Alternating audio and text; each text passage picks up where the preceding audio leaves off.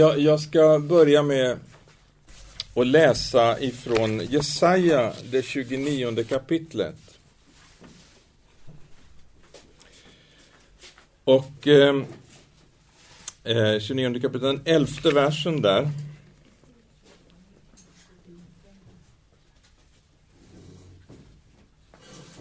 Halleluja, Jesus.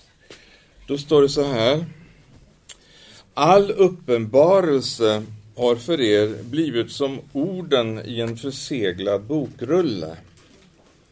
Räcker man en sådan bokrulle till någon som kan läsa och säger läs det, så svarar han jag kan inte, den är ju förseglad.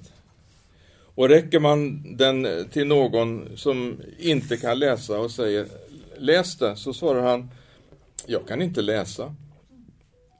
Herren har sagt detta folk kommer nära med sin mun och ära mig med sina läppar men håller sitt hjärta långt ifrån mig. Därför är deras vördnad för mig bara ett inlärt människobud. Se, därför ska jag än en gång göra underbara ting med detta folk, underbara och förunderliga. De visas vishet ska förgå, de förståndigas förstånd ska förmörkas. Den dagen ska de döva höra bokens ord och de blindas ögon se ur dunkel och mörker. De ödmjuka ska få allt större glädje i Herren. Och de fattigaste bland människor ska fröjda sig i Israels helige. Ja, det var en speciell text, eller hur? Eh, och det handlar i det, det första här vi läser om, det är ju uppenbarelse. Och det är lite grann det som är temat också för det vi ska tala om här idag, just om att, eh, att få uppenbarelse i Guds ord. Att eh, det här inte är en förseglad bok som vi liksom läser som eh, någon slags, eh, ja du vet att eh, det finns ju å ena sidan de som, som är så här liberalt troende och de säger, de har, tror helt enkelt inte att det här är Guds ord. En del säger att det möjligtvis kan innehålla Guds ord. Men så har vi ju då liksom den andra sidan som då kallas för bibeltroende och ibland som kan, kan de kallas för fundamentalister också. Och men då finns det också bland dem som så att säga är bibeltroende en slags eh, att man använder Bibeln lite grann ungefär som de skriftlärde gjorde. För att skriftlärd, det hör man ju på namnet, det är ju de som liksom sitter med näsan i Bibeln hela dagarna och studerar och liksom skaffar sig en slags eh, kunskap. Skulle du eh, fråga dem om olika saker i, i de olika skrifterna så skulle de säkert ha svar på det mesta. Och på, på ett så att säga eh, intellektuellt sätt också kunna utveckla olika läror och förklara saker och ting på, på ett kanske logiskt sätt e-, eller förklara olika ting utifrån skrifterna då som de studerade dagligen. Ehm, men Guds ord är ju faktiskt inte bara en troslära. Det är ju inte bara en trosbekännelse eller det är liksom inte en sån här gemensam trosbekännelse som man liksom kan ha som en slags underlag för en organiserad ekumenik eller någonting sånt. Vi tror på så och så och så. Ehm, så att eh, det är naturligtvis så, och det gör ju vi väldigt mycket.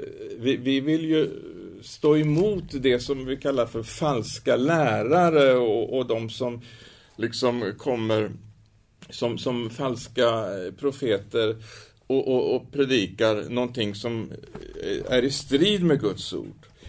Så att det är absolut viktigt, det som kallas för apologetik, alltså eh, Eh, till trons försvar. De bitarna är viktiga. Men jag vill också säga att Guds ord är heller inte bara en slags, eh, vad ska man moraliska och etiska regler som, som liksom är givna av Gud för att vi ska leva efter dem. Eh, så för att Guds ord skiljer sig från alla andra ord. Det är naturligtvis allsammans det här som jag har sagt nu. Men om det bara stannar vid detta så blir det så att säga då är det inte uppenbarelse utan då handlar det fortfarande om någonting som faktiskt en, en icke-troende människa kan lära ut teologi. En icke-troende människa kan ha moraliska och etiska regler att lära ut. Allt sammans det där kan man göra utan att vara en kristen. Så är det.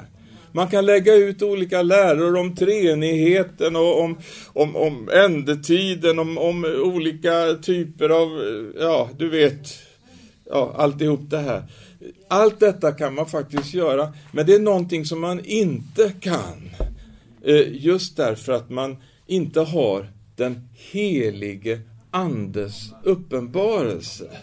Och, och, det är lite grann det som, som är mitt tema här idag. Och jag ska fortsätta att läsa i Lukas i det 24 kapitlet och i den 44 versen. Då är det alltså Jesus som kommer till sina lärjungar Eh, efter att han eh, då har uppstått. Och han har visat sig för några av dem där på den här vägen som går till Emmaus. Och nu är han tillsammans eh, med dem och så säger han till dem att detta är vad jag sa till er medan jag ännu var hos er. Allt måste uppfyllas som är skrivet om mig i Mose lag, profeterna och salmerna. Och så står det, sedan öppnade han deras sinnen så att de förstod skrifterna. Och han sa till dem, det stod skrivet att Messias ska lida och på tredje dagen uppstå från de döda och att omvändelse och syndernas förlåtelse ska förkunnas i, i hans namn för alla folk, med början i Jerusalem. Ni är vittnen om detta och jag ska sända över er vad min far, fader har lovat och ni ska stanna här i stan tills ni har blivit rustade med kraft från höjden. Eh, så att med andra ord, de hade varit med Jesus i tre år. De hade hunnit få en hel del kunskap ifrån honom. Men, och, och Jesus säger, ni kan vittna.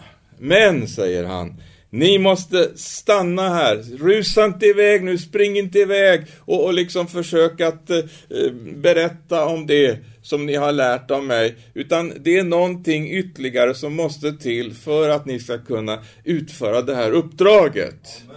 Och det handlade om att bli rustade med kraft från höjden. Och, och där tror jag vi har det stora behovet idag. Både för oss, jag vet ju själv hur det är när man ska predika och så, hur, hur liksom eh, viktigt det är att Kom heliga Ande, gör ordet levande. Det finns ju massor med predikningar samlade liksom, som, som man har predikat genom åren. Men, men liksom, det är inte liksom att vi ska bara förmedla en slags eh, eh, huvudkunskap. Utan det ska, det ska vara uppenbarelse.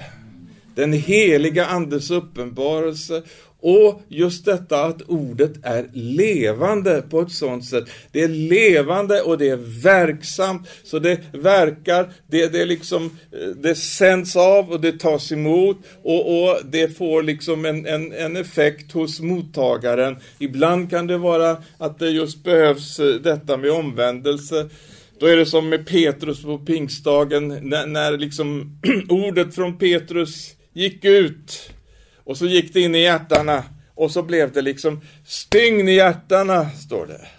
Alltså, det var inte en kunskap, han förmedlade inte bara en kunskap som gick ifrån hans eh, skarpa tankar upp till huvudet på folk, utan det gick rakt in i deras hjärtan och det mötte deras samveten. Och det är det som är så viktigt att vi får göra, för att den heliga Ande får komma just med uppenbarelse. Och den uppenbarelsen, den kan ha lite olika karaktär beroende på vad situationen är. Det kan vara exempelvis att en syndare behöver upptäcka att han är en syndare. Man behöver få se sig i det uppenbarelsens ljus. När Gud liksom kommer med sitt starka ljus och lyser och så ser man, det är ungefär som när, när solen lyser in på våren så här. Nu tror jag för no, eh, alltså eh, man, man, kan liksom se det man inte såg förut att eh, oj, de där fönstren behöver vi nog tvätta. Och, och ungefär så är det när, när den här rättfärdighetens sol får lysa in i våra liv så upptäcker vi, oj, här behöver visst en, en, en vårstädning ske. Här behöver det tvättas och renas. Och när vi har gjort den upptäckten, då är vi ju motiverade för städning, eller hur?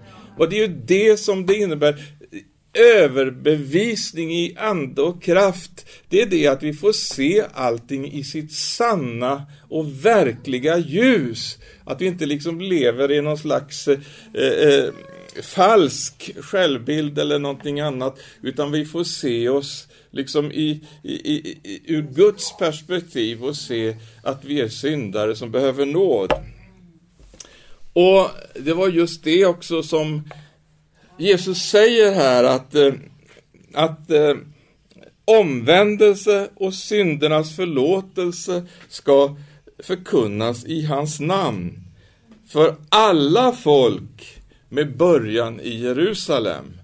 Och jag tänkte just på den där meningen och jag tyckte att den var så innehållsrik för att just detta med omvändelse och syndernas förlåtelse, det är ju begrepp som många är ju jätterädda liksom Omvändelse är väl det mest hatade ordet i, i den religiösa ordlistan eh, idag. Eh, man ska inte tala om omvändelse, man ska inte vara konfrontativ på det sättet utan man ska vara tolerant och, och eh, inkluderande och ja, det finns så många fina vackra ord. Men Jesus säger här att han ska predika omvändelse och syndernas förlåtelse med början i Jerusalem. Och den början, den handlar om pingstdagen, det handlar om så att säga detta som då sker, att de blev rustade med kraft från höjden. Där börjar också den här förkunnelsen om omvändelse och syndernas förlåtelse på, på det sättet som, som då Jesus talar om här, även om det naturligtvis har förekommit tidigare, men det är det som Jesus talar om här, den nya testamentliga eh, tiden. Men Jesus eh, liksom ger, gör inte ett tillägg här och säger att och, och det här med omvändelse och syndernas förlåtelse, det ska ni tala om här nu. Eh, men för alla folk med början i Jerusalem. Början i Jerusalem. När ska det ta slut då? Ja, Jesus sa inte att om 2000 år då kommer det att komma speciella människor som inte så att säga kan klara av den typen av förkunnelse utan de kommer att känna det på ett alldeles speciellt sätt. Så att då efter 2000 år då liksom får ni sluta och predika omvändelse och syndernas förlåtelse. Ni får inte, eh, efter, då får ni inte nämna om synd för att det, det, det, det någon, någon, kan liksom få an, bli, bli, ja, uppleva att man blir anstött. Eller vad eh, man, man kan känna att det, det, det, drabbar någon på något speciellt sätt och det får du inte göra. Så att, eh, men det sa inte Jesus. Utan eh, när, när kommer slutet då? Ja, det finns en ängel i, i Uppenbarelseboken att eh, nu är, är, tiden slut och, och, och så att säga, men det är någonting som ligger i framtiden. Nu, nu är tiden slut för, för, för, för förkunnelsen utav eh, det eviga evangeliet. Eller jag, jag vet inte hur han uttrycker det, men du kan läsa Uppenbarelseboken någonstans mellan 10 och 14, där står det. Eh, Halleluja! Så att det här budskapet, det är inte bara för liksom de som levde då eller som har levt fram till nu för, för någon tid sedan, utan det gäller fortfarande. På samma sätt som Jesus Kristus är densamme, så är evangelium detsamma. Halleluja!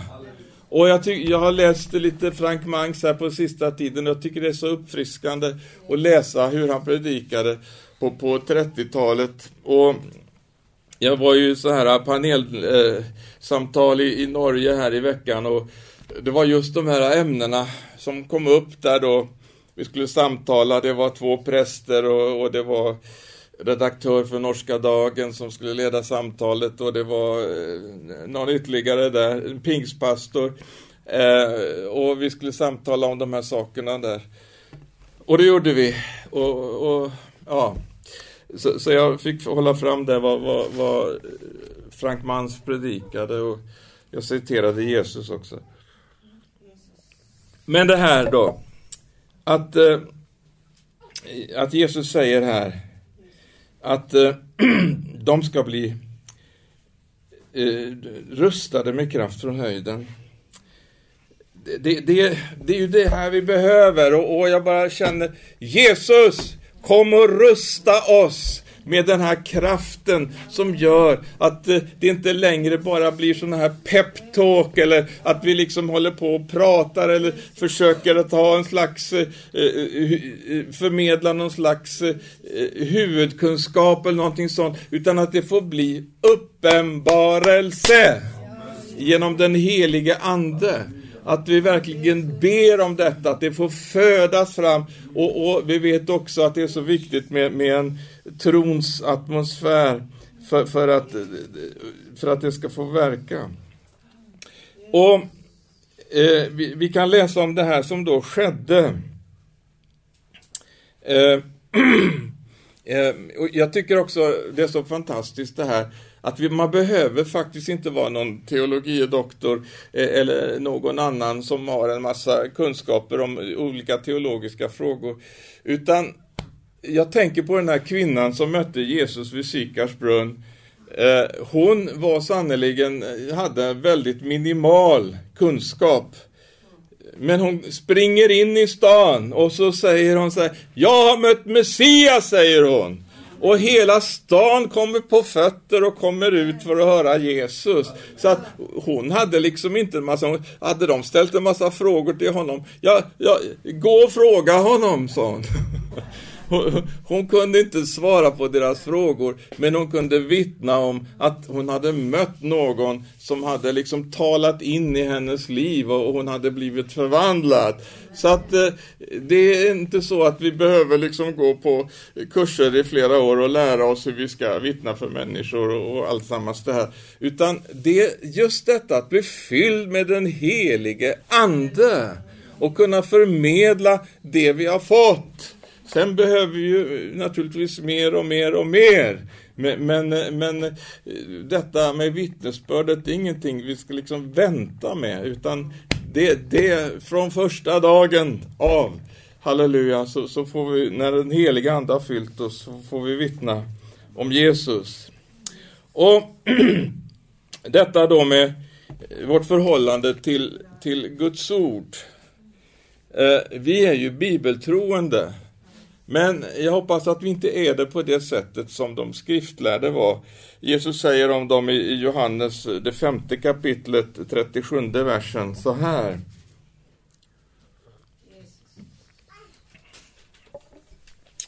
Eh, han sa till de skriftlärda att ni forskar i skrifterna för ni tror att ni har evigt liv i dem.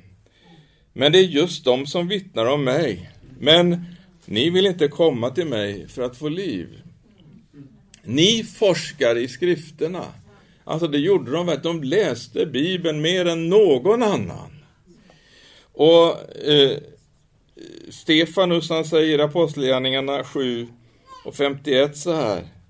Att eh, till de här människorna som forskade i skrifterna och som var så bibelsprängda så säger han Hårdnackade är ni och oomskurna till hjärta och öron. Ständigt gör ni motstånd mot den heliga Ande, ni som era fäder. Det var inga vackra ord. Det var de här eh, bibelsprängda. Och i Apostlagärningarna 13 och 27 så står det de profeternas ord som läses varje sabbat. Alltså med andra ord, det pågick hela tiden i Israel och bland judarna runt omkring i det romerska riket. Så varje sabbat så läste man ur skrifterna. Och, och det står vidare, vi kan ta ett bibelord till, eh, i, i 15 kapitel 21 versen. Mose har ju sedan urminnes tider haft sina förkunnare i alla städer och man läser honom i synagogorna varje sabbat. Så att med andra ord, man läser skrifterna utan att liksom ha uppenbarelsen. Man läser utan att kunna se precis det som vi läste om i det första bibelcitatet från Jesaja här.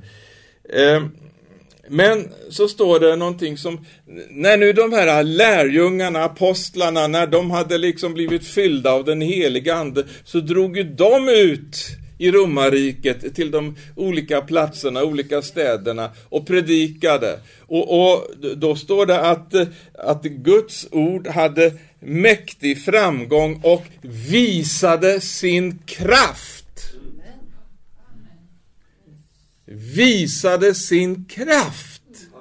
Det var någonting annat än att förmedla en slags eh, teologisk kunskap. Utan Guds ord, tror det, är levande och verksamt. Halleluja! Så att det här ordet är inte bara som att läsa någon teologisk bok eller någonting annat, utan det är levande. Det är levande ord. Och när de här orden går ut så ger det liv. Det ger liv till oss och vi känner att det börjar att, att röra sig här därför att den heliga Ande börjar verka i oss.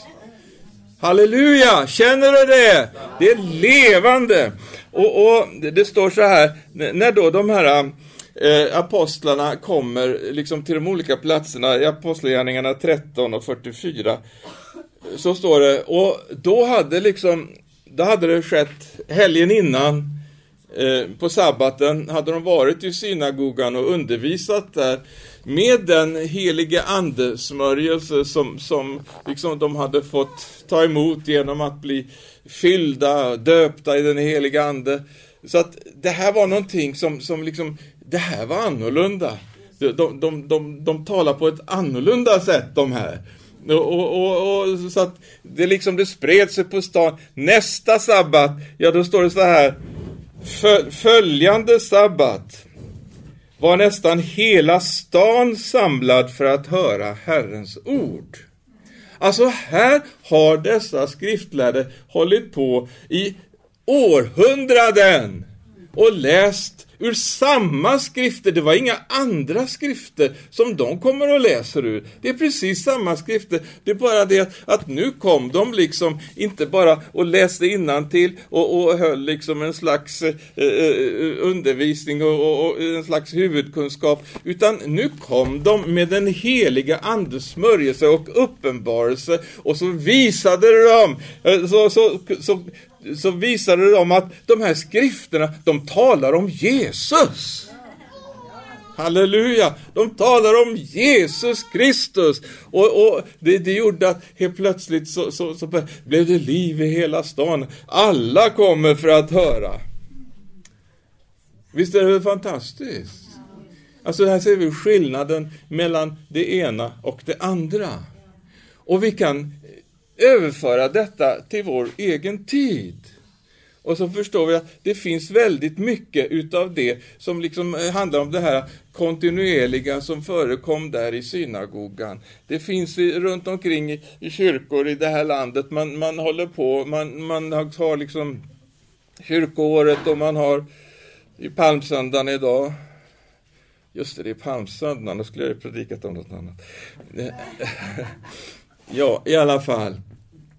Så, så, så vet vi att eh, det kan liksom, det går sitt varv. Va? Det är första kyrkåret, sen kommer det andra året och, och så vidare. Det, det, det, det finns en kontinuitet i det och det är bra att ordet predikas. Men, men det blir någonting annat när apostlarna kommer här och så predikar de med, med smörjelsen och det kommer uppenbarelse och ljus och helt plötsligt så blir det inte bara en huvudkunskap utan det, det trillar ner i hjärtat och man känner att åh, oh, halleluja, det här är ju mättnad, det är ju mat för anden.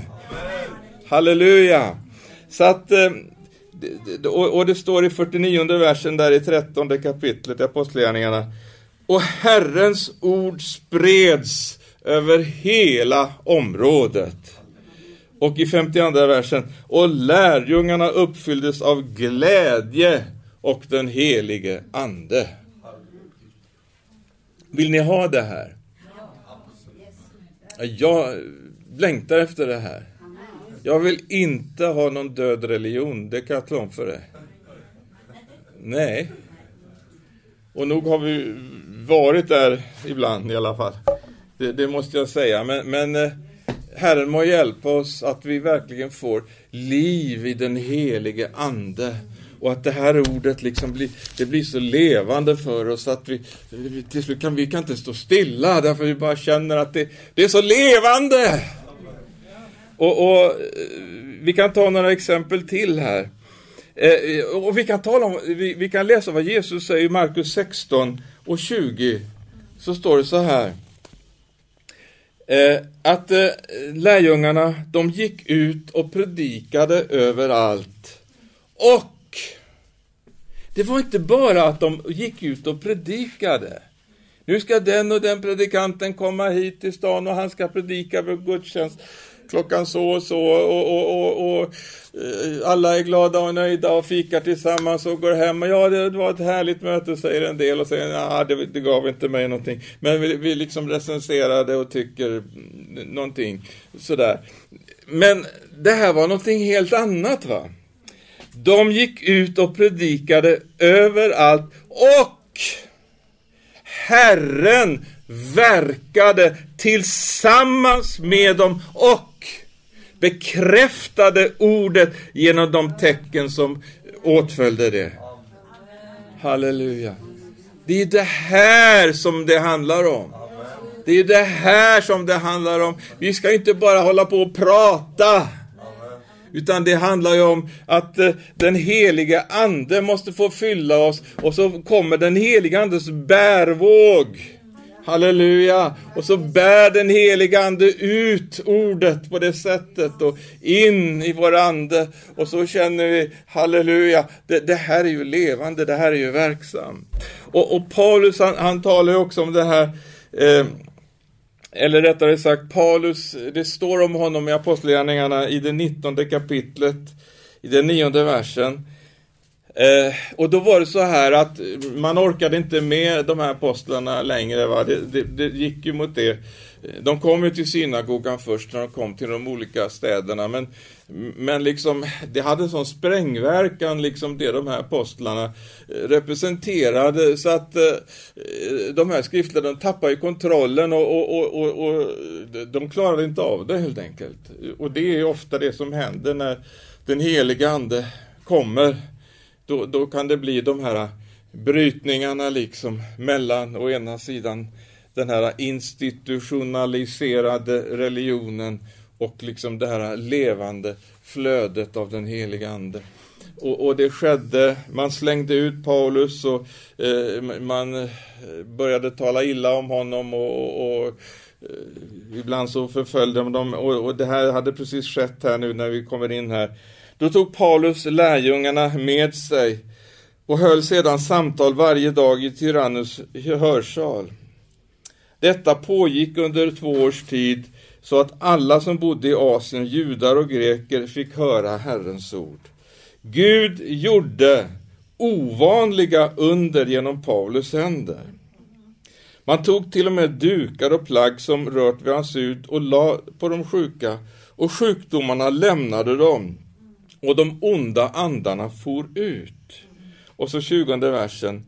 Så, så fick ordet framgång genom Herrens kraft och visade sin styrka.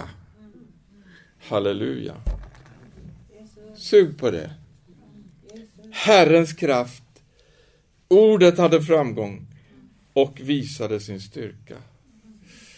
Halleluja. Det är detta vi behöver. Hur ska vi kunna möta liksom, den situation som vi har i vårt land? Hur ska vi kunna möta människor? Hur ska vi liksom, kunna möta alla de som på olika sätt eh, har blivit eh, liksom, fångade och bundna av djävulen? Hur ska vi kunna möta det? Det går inte bara med någon slags eh, huvudkunskap eller någon slags eh, eh, för förklaringar. Vi måste få den heliga Andes smörjelse så vi kan möta människorna, så att Gud kan få tala rakt in i deras liv. Det är det vi behöver få vara med om. Och jag ber om det här för min egen Jesus. Använd oss. Använd oss Herre, fyll oss med din Ande så att vi kan vara med och verkligen se att det här ordet det är verksamt, det har inte slutat liksom att vara verksamt, utan det fortsätter att vara verksamt på samma sätt som vi läser om i Apostlagärningarna. Halleluja, det är samma ord, det finns samma kraft. Det handlar om det vi hörde här förut, att vi måste ju tro. Vi måste få tro i våra hjärtan. Vi måste ju få tro att Gud är undrens Gud. Att han vill verka på det sätt som han har gjort. Det är just otro, det är vår otro. Och detta att vi inte förväntar någonting mer än att vi ska få höra en god predikan eller att vi ska få höra några härliga lovsånger eller att vi ska få ett eh, härligt fika tillsammans. Eh, liksom, Gud vill mer. Han vill så ändligt mycket mer än detta. Att vi ska liksom eh, ha, ha den här... Eh, ja. Tror du det? Ja. Jag tror det var fem stycken som trodde det. Det finns, finns det, det finns hopp. Två eller tre. Så. Ja. Men jag ska fortsätta att läsa några bibelord till. Och då var det så här att eh, apostlarna när allt det här börjar hända så blir det ju oroligt. va? För att vi vet att denna tidsålders Gud, han liksom vill ju hålla allting i kontroll och, och eh, det, det, finns ju sådana här kontrollfreaks överallt. va? Det är ju inte bara där ute i världen, det, det är kanske alldeles speciellt i, i de religiösa sammanhangen så finns det de som, som blir eh, väldigt liksom nervösa och oroliga. Oj, nu är det någonting som, som liksom inte eh, vi, vi är vana vid här. va? Halleluja, säger jag. Det, det, är, det är väl det vi vill vara med om, att eh, vi liksom inte blir det här eh, mänskliga eh, som vi liksom kan klara av i egen kraft, utan att Gud får visa att nu gör jag saker som ni inte kan göra. Det är ju det vi vill se, eller hur? Ja. I Apostlagärningarna 4 så står det i sjunde versen då har man alltså tagit in de här apostlarna till förhör. Va? Och vilka är det som gör det här då? Jo, det är de skriftlärde. De som studerar Bibeln hela dagen. De tar in de här lärjungarna till förhör. Och de för fram dem och så börjar de förhöra dem. Genom vilken kraft och i vilket namn har ni gjort detta? Det borde väl de veta som har läst eh, Bibeln i, i decennier. Men de visste ingenting, de förstod ingenting, därför de saknade uppenbarelse. Genom vilken kraft och, och vilket namn har gjort detta? Då uppfylldes Petrus av den helige Ande. Halleluja. Och det, det står på många ställen där när man läser i, i Apostlagärningarna, då uppfylldes de av den helige Ande. Halleluja. Och ibland känner man det där så påtagligt. Eh, jag, jag, jag vet igår förmiddag så um, jag skulle förbereda predikan här idag och jag kände, gode gud, vad ska jag predika? Och liksom jag bara funderade, är det det? Och, nej, det är inte det. Är det det? Nej, det var inte det. Och så liksom, man prövar sådär, Gud, gör levande. Och så tänkte jag på någonting så här, och, nej, det var inte alls levande. Och, och, och liksom, det, det bara snurrar så här, men då, Kristina, hon, hon, var inne på rummet och så bara hörde jag hon bara talade i tungor och höll på i ja, en timme eller två timmar kanske. Bara liksom bad så här. Och då bad hon att liksom att det skulle komma liksom uppenbarelse, att det skulle komma helig ande över mig. Så, så, och så bara kände jag efter en stund, yes! och så bara reste jag mig i fåtöljen där jag hade suttit och så bara kunde jag inte sitta still. Jag gick fram och tillbaka från köket in i vardagsrummet och fram och tillbaka. Halleluja! sån här, trosmarsch. Eh, ja, men i alla fall.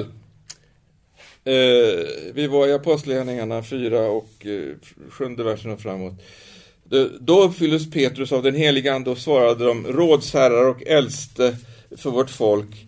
Om vi står om vi står till svars idag för en välgärning mot en sjuk man och ska förklara hur han blir botad, så ska ni alla och hela Israels folk veta att han står frisk och framför er i kraft av Jesu Kristi Nazarens namn. Ni korsfäste honom, men Gud har uppväckt honom från de döda. Jesus är stenen som ni byggnadsarbetare förkastade, men som har blivit en hörnsten. Hos ingen annan finns frälsningen och under himlen finns inte något annat namn eh, som människor fått genom vilket vi blir frälsta. När de såg hur frimodiga Petrus och Johannes var och märkte att de var olärda män ur folket, då blev de förvånade. Men så kände de igen dem och så kom de ihåg att de hade varit med Jesus. Och när de såg mannen som blivit botad stå där tillsammans med dem, då blev de svarslösa. Och då befallde de dem att lämna rådsalen och överlade sedan med varandra och de sa vad ska vi göra med dessa människor?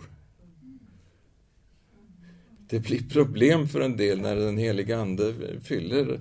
Det står att, att han var, Petrus uppfylldes av den heliga Ande. Det, det blir problem. Halleluja, underbara problem. Eh, vad ska vi göra med dessa människor? Att det har hänt ett märkligt tecken genom, genom dem, det, det är uppenbart för alla som bor i Jerusalem. Det kan vi inte förneka. Och så i alla fall blir det så, det blir en slags eh, snabb rättsprocess här, de blir förbjudna att eh, efter får ni inte predika i det namnet, för det skapar sån oro här i Jerusalem. Jerusalem, det som liksom eh, den stad som Gud hade utvalt för att skulle vara hans boning. Det blir oro här om ni predikar Jesus. Då ser man vilka krafter som hade tagit över. Men i alla fall, eh, de går hem därifrån och så står det att de kommer till sina egna, halleluja, det fanns församlingen. De hade liksom blivit tilltufsade, de hade blivit förbjudna och, och de kände, kände nog den här kampen. Men så kommer de till sina egna och så står det att de ropade endräktigt tillsammans. Halleluja. Så att eh, det där är också viktigt, va? att eh, vi kommer att, när vi är ute och, och vittnar om Jesus, så möter vi olika situationer ibland eh, där det liksom blir så här konfrontationer. Och då är det viktigt, vi står inte ensamma. Vi måste ha syskonen. De kom till sina egna. Vi är så beroende av församlingen. Det är så Gud har tänkt. Han skickar ut oss ibland och vi får vittna, och ofta var det två och två. Men, men liksom, vi, vi, får vara ute, men sen får vi komma tillbaka och hämta styrka och kraft hos våra egna. Och då ropar de till Herren och, och längre fram i det här samma kapitlet så står det i 29 versen så här. Och nu Herre, se hur de hotar oss och hjälp dina tjänare att frimodigt förkunna ditt ord genom att du räcker ut din hand och låter helande tecken och under ske genom din helige tjänare Jesu namn. När de hade bett skakades platsen där de var samlade och de uppfylldes alla av den helige Ande och förkunnade Guds ord med frimodighet. Halleluja! Och, och det här, förstår ni, det, det här är viktigt. Det här som de ber där, Hjälp dina tjänare att frimodigt förkunna ditt ord. Jag tror att det, det, här är en bön för alla tider. Jag tror att det är en bön för Sverige idag. Herre, hjälp dina tjänare i det här landet, Gud. Hjälp dem som är kristna ledare och hjälp ditt folk överlag. Hjälp oss alla att vi med frimodighet förkunnar Guds ord. Det behövs nu i det här landet. Det behövs! Därför att det är så många som backar och backar och, och, och man liksom vågar inte predika fullt ut. För, för det kan ju ris riskera både statsbidrag och vänskap och alla möjliga saker. Va? Och så har man en massa sådana här saker som gör att man, man liksom har bundit upp sig. Men Herren, halleluja, han håller på att sätta ett folk i frihet. Han håller på och, och, och förenar ett folk. Villigt kommer ditt folk när du samlar din här. Halleluja. Vi står vid en brytpunkt nu. En ny epok då Gud kommer att göra någonting nytt i det här landet. Det är jag så förvissad om. Han kommer att eh, ta ut ett folk som, som frimodigt kommer att predika Guds ord. Så att här hade man då stoppat Petrus och Johannes. Ni får inte predika i det namnet. De går till sina egna, vid det här tillfället så de som kallar sina egna 5000. De var 5000. De kommer till de här 5000 och de ropar till Gud. Du kan tänka dig vilket dån det var. Och de ropar till Gud och till slut när de har ropat till Gud där så står det att de blev alla uppfyllda av den heliga Ande. Alltså de bad ju för Johannes och Petrus och de andra apostlarna. Men, men, men liksom eh, som en extra bonus så blir alla 5000 uppfyllda av den helige Ande. Och det står att de förkunnade Guds ord med frimodighet. Så att eh, de skulle inte ha stoppat Petrus och Johannes om de ville få, få slut på eh, predikan om, om, Jesus. För att nu, nu istället för två så blev det 5000 som kommer ut. Och så sprider sig evangelium på det sättet över hela romarriket. Halleluja! Underbart! Så att det här med att det blir motstånd ibland Ibland så tror jag det är så att Gud tillåter det för att vi liksom bara ska söka honom och bara utbedja oss mer utav den här kraften. Mer utav det som han liksom har i beredskap för oss. Oj. Eh,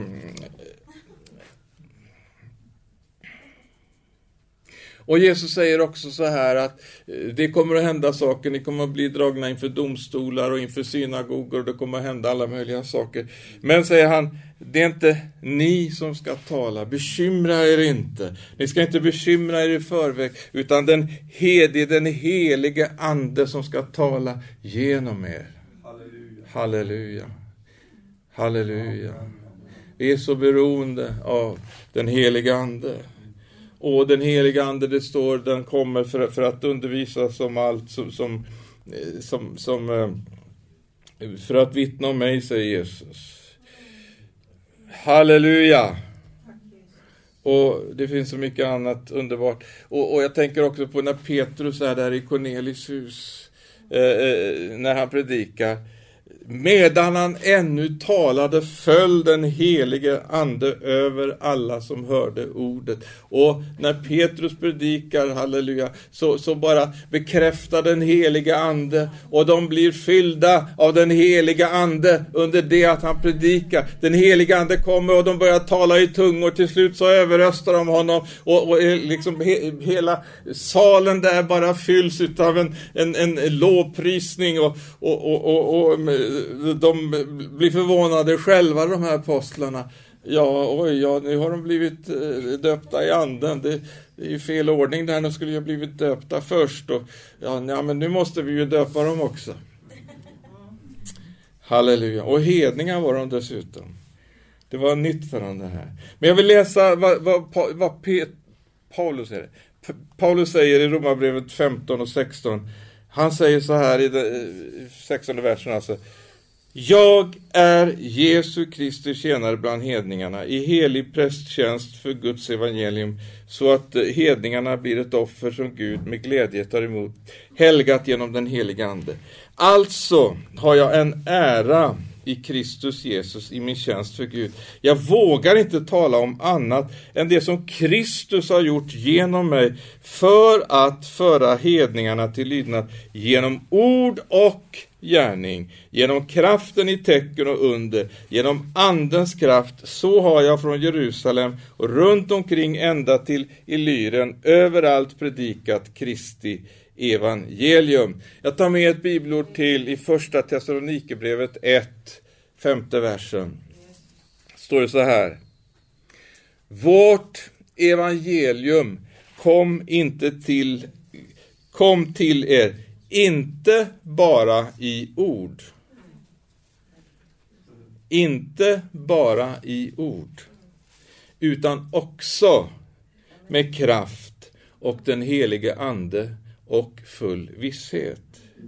Och ni blev våra efterföljare, ja, Herrens, mitt i svåra lidanden, och ni tog emot ordet med den glädje som den helige Ande ger.